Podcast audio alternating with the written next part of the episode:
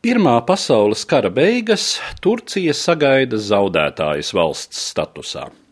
Iesaistoties karā Vācijas pusē, Osmaņu sultāna valdība acīm redzot bija cerējusi vismaz daļēji atjaunot savu kādreizējo varenību, bet tagad šķita, ka pienācis pēdējais cēliens. Sevras mierlīgumā Antante diktēja sultānam Mehmedam VI smagus noteikumus. Turcijai bija jāzaudē ne tikai visas arābu apdzīvotās zemes tojos austrumos, bet arī teritorijas, kurās dzīvoja daudz turku. Grieķijai piešķīra gandrīz visu Turcijas Eiropas daļu, un arī Izmiras rajonu Mazāzijas piekrastē.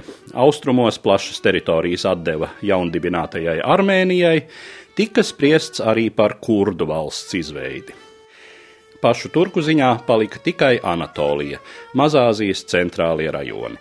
Nav grūti iedomāties, ka šāds lietu izkārtojums daudzos turkos radīja nacionāla pazemojuma izjūtu un vēlmi pretoties.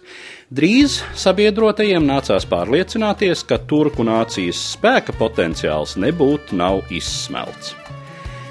Sultāna valdības liktenīgā pārreķināšanās bija ģenerāļa Mustafas Kemala jeb Kemala pašā iecelšana par turku vienību inspektoru Anatolijā.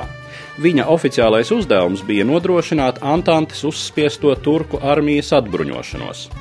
Līdz pat šodienai nav īsti skaidrs, vai sultāns tā rīkojās, vēloties aizvākt autoritatīvo ģenerāli no galvaspilsētas, vai arī nojaušot, ka tikai viņš spēs saliedēt nāciju šai kritiskajā vēstures momentā.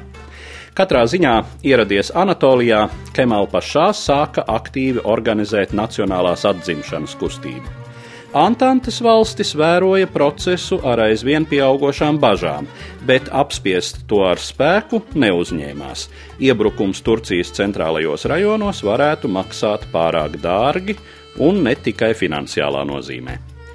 1920. gada martā ģenerālis Kemals izsludināja jauna Nacionālā parlamenta Lielās Nacionālās asamblejas vēlēšanas, un 1920. gada 23. aprīlī 190 deputāti pulcējās uz pirmo parlamenta sēdi Ankārā.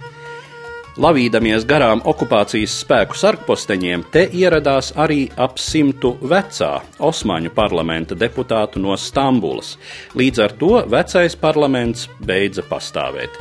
Sabiedrotie pasludināja, ka tādējādi par vienīgo varas nesēju Turcijā kļuvis sultāns, bet faktiski Mehmets VI šai valstī vairs nelēma neko. Bija acīm redzami, ka turku tauta izvēlējusies sev jaunu līderi, parlamenta pirmajā darba dienā ievēlēto prezidentu Mustafu Kemalu. No visām pusēm uz valsts centru plūda nacionāli noskaņoti ierēdņi un virsnieki, tika slepus vesti kara materiāli no okupētās daļas. Nacionālistu bruņotie spēki sāka atkarot zaudētās teritorijas. Eiropas lielvalstīm nebija vēlēšanās sākt plašu karošanu, grieķi vieni pretoties nespēja, un tā vismaz Eiropā turki praktiski atjaunoja pirmskara robežas. Armēniju līdz ar pārējo aizkaukāzu drīz okupēja sarkanā armija, un Leņķina valdība labprāt deva turkiem ne tikai Pirmā pasaules karā zaudēto, bet vēl arī Karsas apgabalu, kas cara laikā bija piederējis Krievijai. Tomēr vēl būtiskāki par militārajiem panākumiem ir Kemala valdības sasniegumi jaunās valsts veidošanā. Pārmaiņas patiešām bija revolucionāras. Sākot ar to, ka turku valodas rakstība pārgāja no arābu uz latīņu alfabētu, beidzot ar sultāna atstādināšanu, republikas pasludināšanu 1923. gadā un totālu islāma reliģijas elementu izskaušanu no valsts pārvaldes, tieslietu un izglītības sistēmām.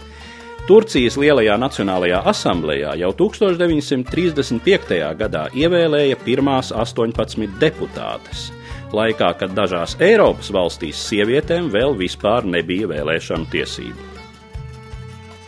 Stāstījumu sagatavoja Eduards Liniņš.